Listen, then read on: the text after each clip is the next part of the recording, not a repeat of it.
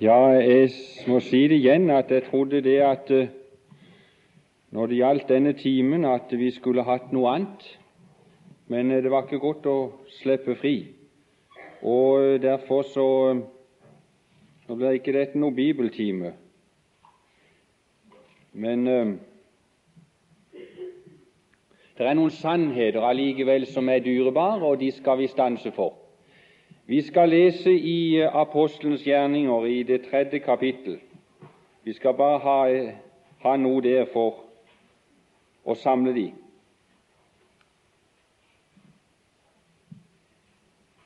Og Peter og Johannes gikk sammen opp i tempelet ved bønnens time, som var den niende.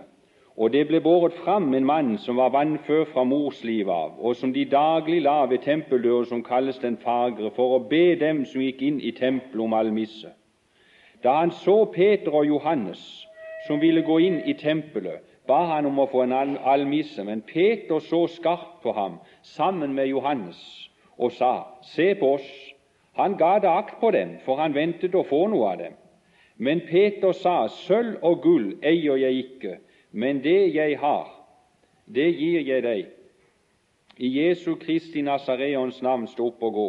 Så grep han ham ved den høyre hånd og reiste ham opp, og straks fikk hans føtter og ankler styrke, og han sprang opp og sto og gikk omkring og fulgte med dem inn i tempelet og gikk omkring der og sprang og lovet Gud.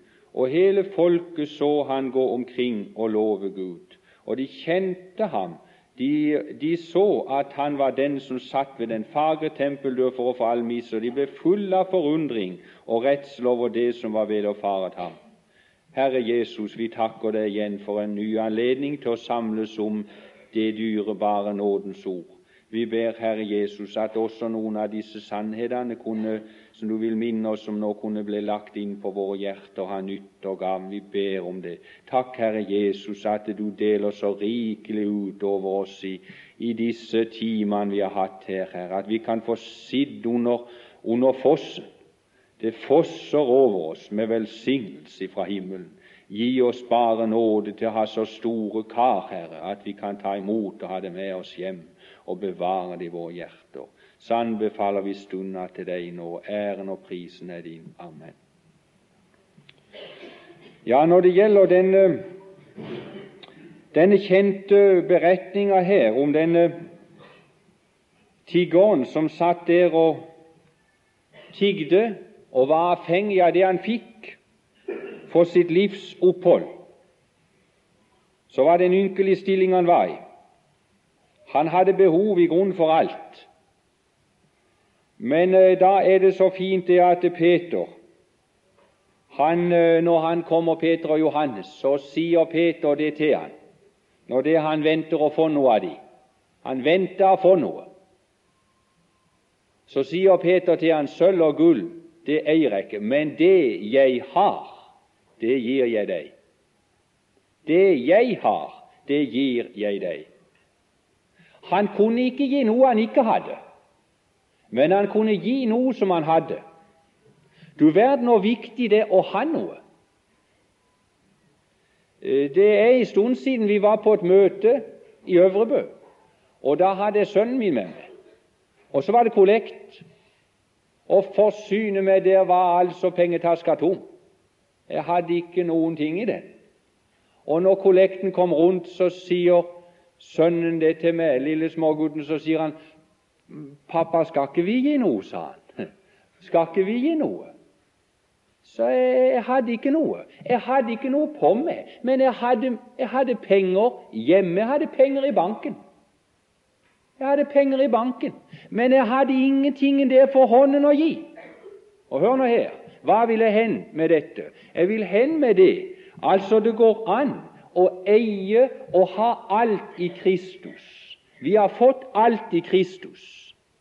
Men du har ikke mer å gi ut enn du har med deg, enn du har tatt ut av banken. Du har ikke det grann mer å gi andre. Og Derfor er det så om å gjøre, venner, at ikke vi bare har det i Kristus. Og Jeg tror det var Urebekk som sa det i gang, at de fattigste mennesker det er de som har alt i Kristus. For de har ingenting å gi andre. Forstå det rett. Å, la oss ha tatt ut noe, så vi har noe å gi til andre. Og når jeg tenker på denne ungdoms, denne fine ungdomsflokken som, som sitter her, og disse små her, det er så fint å se, så kommer det nå i hu med av noe som Georg Johnsen han skrev. Det var i forbindelse med Einar Lundby. Han hadde vært i 1947 på et større, større møte i Kristiansand. Så ble han liggende syk under hele møtet. Men den eh, siste, en av de siste stevnedagene så kom han opp på beina. Og når han kom fram på talerstolen, så sa han det at nå har Gud fått ydmyka meg såpass, kanskje såpass at jeg kan få lov å si noen ord her. Og så sa han det at nå har dere sittet her og lytta og hørt til gedigne prekener og foredrag. Det har fått inn veldig mye. Men øh, noe av det som er det viktigste, sa han, det vil jeg nevne nå, sier han. Og det var det at han forteller at bort på Jæren der hadde han en god venn av seg som var hønsefarmer. Han hadde en stor hønsefarm.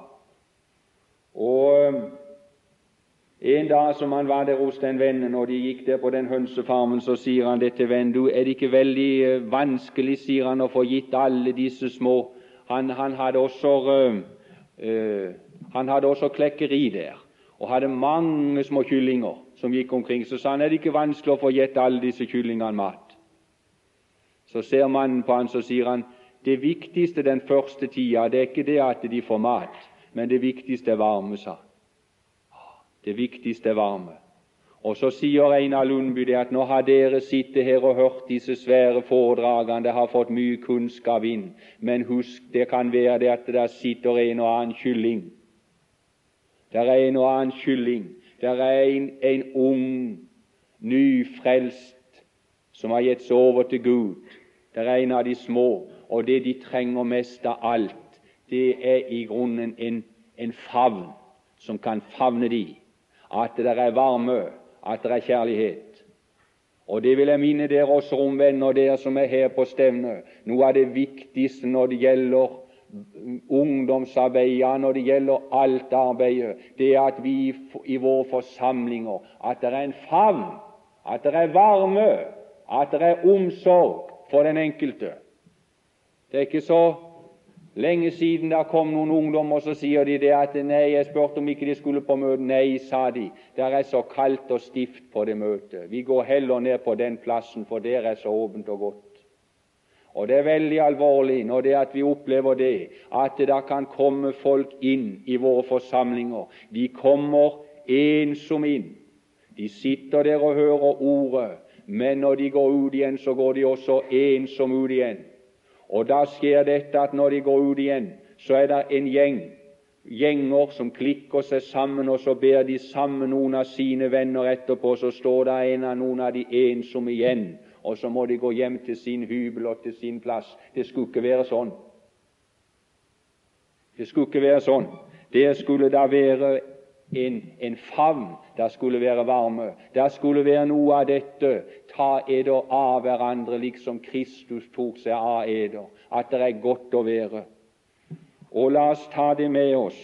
Og det er ingen som er så, som er så fattige tenker på nå i dag det er mange som vokser opp i dag og ikke har en moderfavn.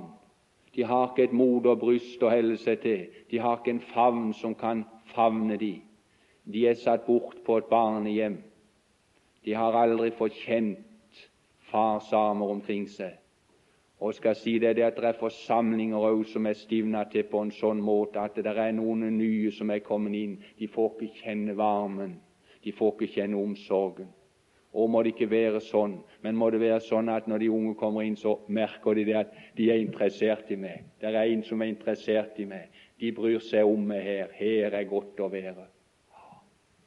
Og Jeg tror jeg har nevnt det før, men eh, det kom for meg det òg når det gjaldt han Moddi, D.L. Moddy. Når han starta de søndagsskolene, eller søndagsskole derover, så viste det seg det at det da var hans søndagsskole bare på, og det ble bare mer og mer barn på hans søndagsskole. Så la de merke til at det da var en, en, en, liten kar der. Han gikk forbi alle de andre søndagsskolene, og så gikk han ned til Moddis søndagsskole. Og Så spurte de han, kan det være at du ikke går til de andre søndagsskolene som er nærmere. Så sier han det at nei, sier han, han må de, han er glad i sånne gutter som meg, sa han. Han er glad i sånne gutter som meg. Å, venner, det er noe her med kjærligheten, at ikke det er bare noe vi har i ord, men at det er noe av den varmen, det er noe av dette som gjør at de som kommer inn, de merker å, her er godt å være. De bryr seg om meg. Ja, ta det med. Det jeg har, det gir jeg deg. La oss ha noe av dette. Vi har i Kristus, og det går an å få mer. Ja, det går an å få mer.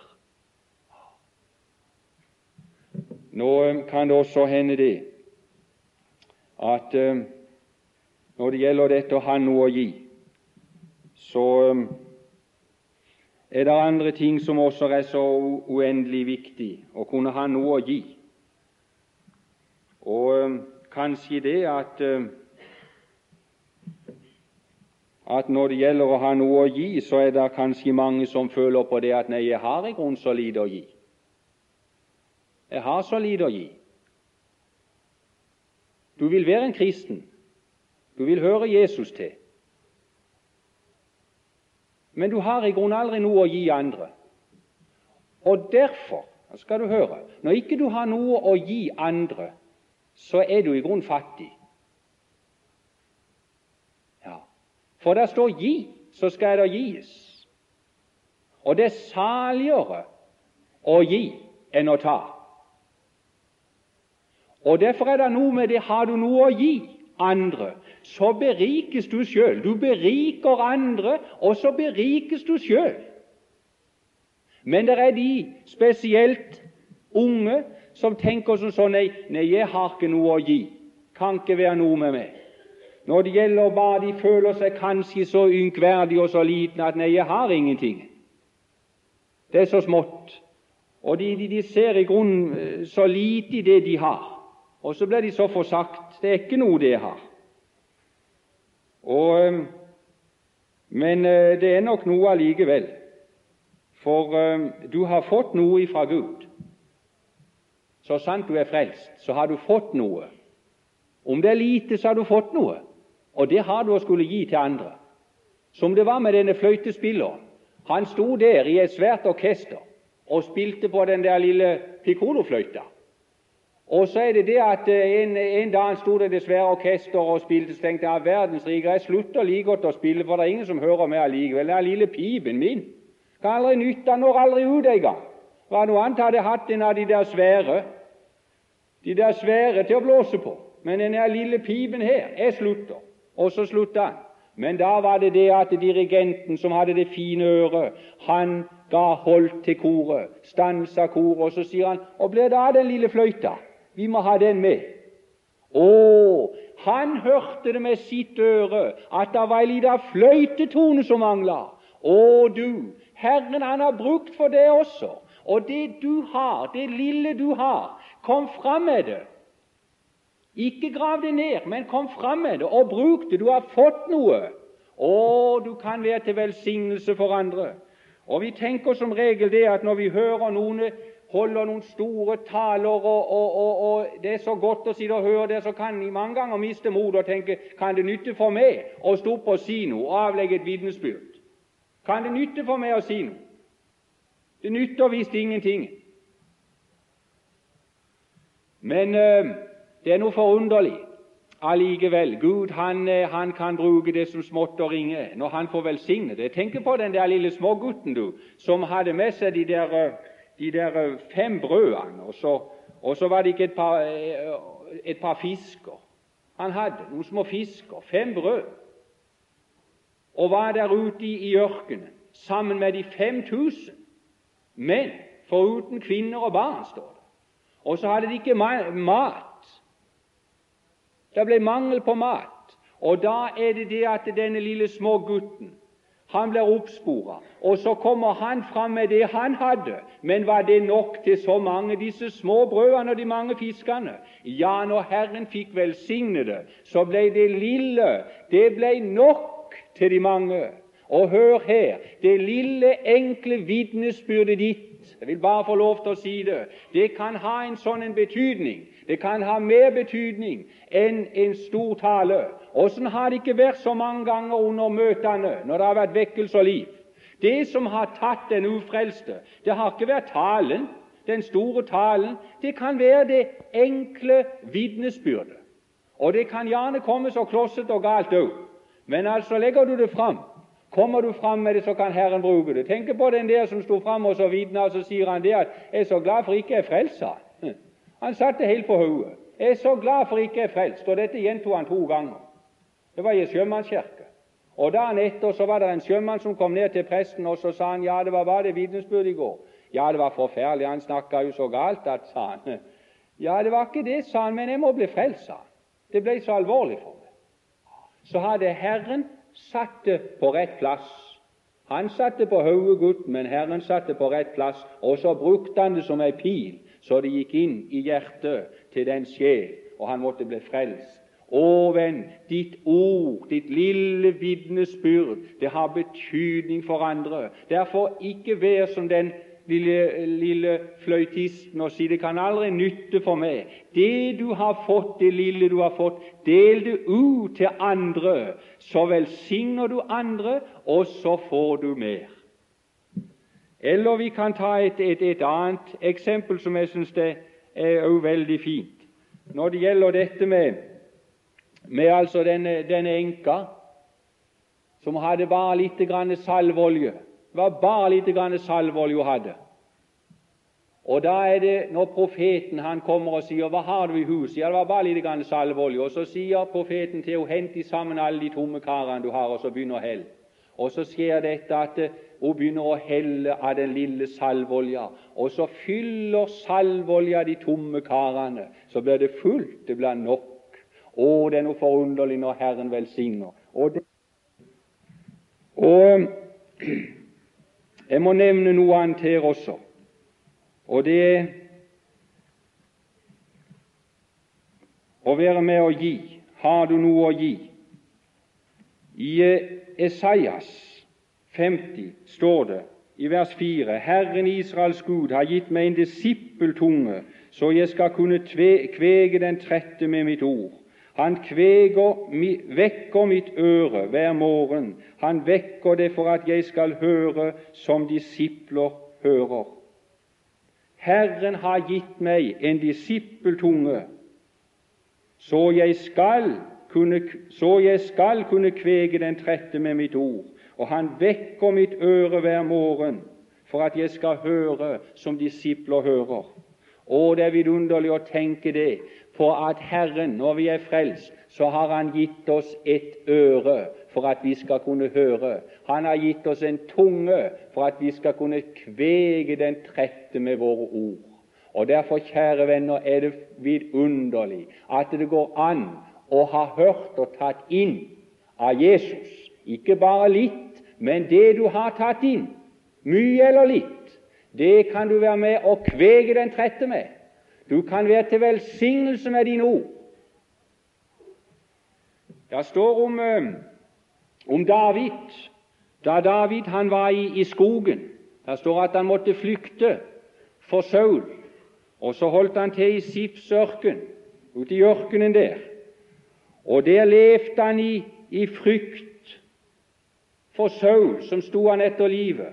Og det var nok ikke lett for David i den tid vi har salmer som han har skrevet under det forholdet, åssen han hadde det der i, de, i den tida før han kom opp på kongstronen. Men da står det noe veldig fint om Jonatan, Sauls sønn. Da står det om Jonatan han kom ut til han der han var i ørkenen, og så brukte han tunga si, og så styrka han hans mor. Ja, Det er vidunderlig. Det er vidunderlig når det at du opplever det, at det er noen kjære Guds barn som bruker tunga si til å styrke motet hos oss. Ikke ta motet. Ikke gjøre sånn som de tolv speiderne. Når de var inne, skulle, hadde vært inne i Kanans land, så kommer de ut igjen. Og så begynner de å De hadde med seg frukt fra landet, men uh, de istedenfor å styrke Israels folke, så tok de motet fra dem, og så sier det kan aldri nytte for oss å innta landet. For de folkene der det er høyvoksne folk, og vi med vår makt vil aldri klare å innta landet. Det var bare Josva og Kaleb som sto fram, og så sa Herren har sagt vi skal ta landet, vi skal innta det. Men de andre, de tok motet fra dem. Å, men tenk å kunne være med og så styrke vårt bot i Herren. For under jordlivsvandringa er det så mye som kan ta mot ifra oss. Det er så mye som kan ta motet. Det er så mange ganger det at du opplever det at det kan bli Du kan snuble, og du kan falle, og du kan kjenne på den adamittiske natur og tenke det at 'jeg kan like godt gi opp enn aldri himmelens land sånn som jeg er'. Og da er det vidunderlig godt når du kommer inn til venner som kan styrke ditt mot og kan gi deg noe fra den himmelske verden og støtte deg igjen, så du står opp, og så fortsetter du vandringa mot det himmelske land. Og hør en ting, venner, det skal vi være klar over, det har aldri vært så vanskelig for noen, tror jeg, nesten som det er i dag når det gjelder ungdommen. Det er vanskelig å leve i dag som en ungdom med all den påvirkninga vi har ifra Satan ifra den onde, og jeg skal si han kommer inn for å og Han er interessert i å ta livet vårt, men kan han ikke ta livet vårt, så vil han gjøre det så surt som mulig. Han vil ta mot ifra oss og kraften ifra oss. Ja. Og du og du, jeg skal si det kommer til oss gjennom radio, og det kommer til oss gjennom TV, det kommer inn på oss på alle mulige måter, så det er ikke lett for en ungdom i dag og Derfor er det mange ganger det at vi som er litt eldre, vi har så lett for å løfte pekefingeren at ungdommen de er sånn og sånn. De er sånn og sånn, og de og det og det. Men vi skal være klar over det at de lever under helt andre forhold enn vi gjør. Og det vi bør gjøre, venner, det er å være med oss og la de merke varmen, at vi er glad i dem. Og så la de få merke det at vi kan være med og styrke deres mot i Gud, så de får mot til å vandre fortsatt på veien hjemover. Og du og du, det er så takknemlig for de som har vært med og styrka meg og mitt mot og gitt meg noe ifra Herren. Og det er så mange som Gud har sendt inn i min vei. Det sitter mange venner her som har gitt meg noe, og noen er vandra hjem, men de har gitt meg noe ifra Gud. Jeg skal aldri glemme Han er nå borte nå, han er hjemme hos Herren, og det det er Bjerkhem, far til Arnold. Kan godt huske jeg gikk inn på bibelskolen, det står så levende for meg. Han hadde gått der inn i tre måneder. Og vi hadde det godt, det var ikke det, men så kom den der lille mannen der. Jeg tenkte ja, verdensrike når han kom opp, den lille karen der, og, og, og, og, er det med den der for noe? Vil han opp og preke? Kan han si noe? Men det rareste var det var bare så vidt han hadde åpna munnen, så var det som bly som sakk i vann, altså når jeg hørte hans ord. Gikk rett inn i min sjel. Og det han snakket om, det var akkurat noe som jeg trengte. Så Gud hadde sendt han der akkurat for min skyld, for å styrke mitt mod i Gud. Og det han preka om, det var dette som heter stilling og vandring. Jeg hadde aldri i mitt liv hørt det før. At det var noe som het stilling. Tenk at det var noe som het stilling, og det var noe som het vandring. Og jeg hadde fått oppleve det i den tida jeg hadde levd med, med Jesus, at jeg ville så gjerne være frelst. Jeg ville så gjerne høre han til, men så fikk jeg det ikke til med livet mitt. Og så var det noen som sa det at du kan begynne på nytt. Og så ble det å begynne og begynne og begynne hele veien og begynne. Det ble ikke noe mer enn å begynne. Så var det like galt igjen. Og sånn hadde jeg det i lang tid. Jeg ba til Gud om å bli et bedre menneske, om å vinne seier. Og så kjente jeg på den gamle adamittiske natur.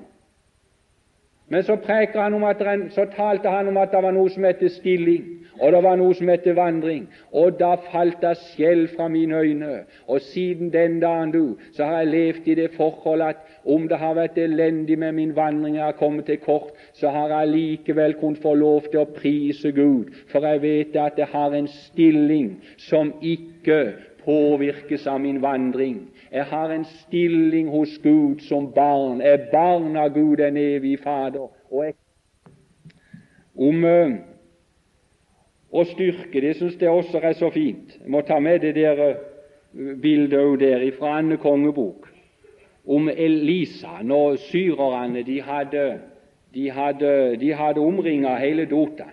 Og så var han og, og tjeneren de var inne i byen. Og, og, da er det det at når tjeneren kommer ut der om morgenen, eller drengen kommer ut om morgenen, så får øynene se at det er, får han se med øynene at det er fullt av syrere rundt dem, og så blir han redd. Ja, ja, han ble redd. Og det er mange ganger kan bli redd når han ser syra, når han ser fienden omkring seg. Og når du ser fienden i det, så kan du bli redd. Kan det nytte? Men da er det det at Elisa han ber til Gud, og så sier han, Herre, sier han, opplad øynene så han kan få se og du og du. Og så opplod Gud øynene på han, så fikk han se. Og så så han det at fjellene omkring de var fullt av, av hester, av hvite hester og vogner. Og så sier han det, når han ser hele den veldige hæren, som var Herrens hær, så blir han så modig. Så sier han det at det er flere med oss, sier han, enn med dem. Da fikk han mot igjen. Da fikk han styrke igjen. Det er flere med oss enn med dem. Å du, det er uendelig godt å få styrke når du kan få se med ditt trosblikk, få se hva Jesus er for deg, hva du eier og har i ham, så får du styrke og mot på tross av fienden omkring deg i det, så kan du stå fram. Og der står også videre her om å være med og, og, og, og trøste. Der, er, der, er, der, er, der, står noe her i eh, Der står noe veldig fint her i, eh, i første Korintierbrev, i andre Korintierbrev, i det første kapittel. Der er, der er, er Herren kalt Lovet være Gud og vår Herre Jesu Kristi Fader, miskunns Fader og all trøsts Gud, Han som trøster oss i all vår trengsel, for at vi skal kunne trøste dem som er i all slags trengsel, med den trøst hvormed vi selv blir trøstet med. Ja, det er forunderlig. Når vi kommer inn i trengsel og motganger, så Herren, så lar Herren oss komme inn i dette for at vi skal lære Han å kjenne, og for at vi skal kunne bringe noe trøst, og bringe noe av den samme trøst som vi har fått av Herren til andre. Ja. Vi skal lære Herren å kjenne. Når israelsfolket vandra gjennom ørken, så kunne Herren ha ført de en annen vei. Han kunne ført de en lettere vei. Men han hadde en hensikt med det. Først og fremst så var det for at de skulle lære hva som bodde i deres hjerter. Det var det. Men det var også for at de skulle se Herrens storhet. For det at Moses han sier, når han avslutter vandringen sin, når han eh, holder sin siste tale der, så sier han det at du har latt din tjener begynne å se din storhet. Han hadde bare begynt å se Herrens storhet. Det hadde han fått oppleve igjennom ørkenen. Begynt og sett Herrens storhet. Og Der hadde han vandra med han i 40 år og fått oppleve hvordan Herren hadde ført de over Det røde havet, hvordan ingen fiender kunne stå seg imot, hvordan de hadde fått, fått vann av klippen og manna fra himmelen, hvordan klærne og skoene ikke ble utslitt. I 40 år du har latt din tjener begynne å se din storhet. Og Derfor er det vidunderlig når du leser i om Moses når han skriver om Herren, så kan han forkynne Herrens storhet, for han hadde lært han å kjenne. Han hadde opplevd noe av Gud igjennom ørkenvandring. Og Derfor er det òg sånn at når det at du opplever trengsel og vanskeligheter i livet, så er det også for at du skal lære Herren å kjenne, og for at du skal kunne ha noe å gi til andre som kommer inn i samme trengsel og vanskelighet som deg. Vi skal trøste dem med den trøst vi selv er blitt trøsta med. Og Vi skal bare slutte nå og ta med det til sist når det gjelder de ufrelste. Har du noe å gi dem? Det jeg har, det gir jeg deg. Har du noe å gi dem? Har du noe å gi dem? Og det er noe om å gi dem den rette tid og være ledet av Herren her at du har noe å gi dem, så du kan være rede og få gitt dem et ord i rett tid. Og det er mange ganger det at det skal ikke så mange ordene til når det gjelder en, en, en ufrelser, kan han få, som jeg nevnte i stad, et ord som han aldri blir kvitt, og som kan bli til frelse for hans sjel. Jeg glemmer ikke en, en venn av meg i fjordene her. Han hadde en ufrelst nabo. Og så var det en dag naboen han kom, og så stansa han med vogna si. Han hadde vært ute på jorda. Og så eh, det var, vel, eh, det var vel i høyinga. Og så var han ute på jorda, og så sier han til naboen sin Nå må du huske på en ting, sier han, og det er det at all kjøtt er som gress, som blomsten på mark.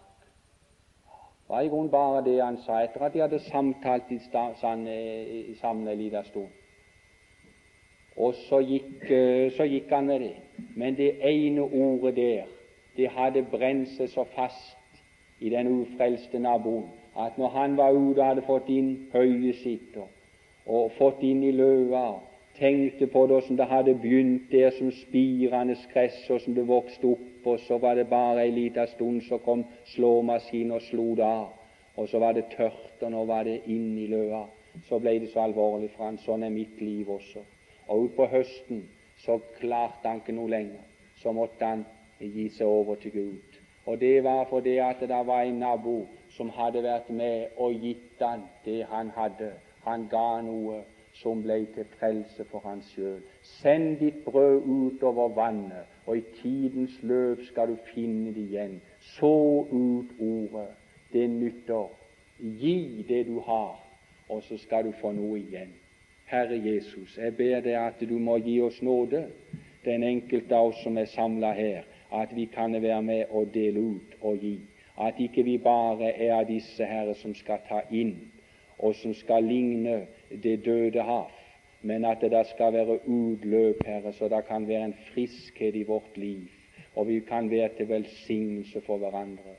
Og jeg vil be for min egen del, Herre Jesus, at det må lykkes den tid jeg skal være her i denne verden, at det kunne være til hjelp for en og annen. At ikke bare mine år skal svinne hen, Herre, opptatt med meg selv og mine egne, men at det kunne ligne deg noe mer i å tjene dine og være med og tjene også de som ennå ikke kjenner deg. Ta hånd om den fine ungdomsflokken vi har her. Tenn de brann for det, Herre Jesus, og bruk de til ære for ditt navn. Amen.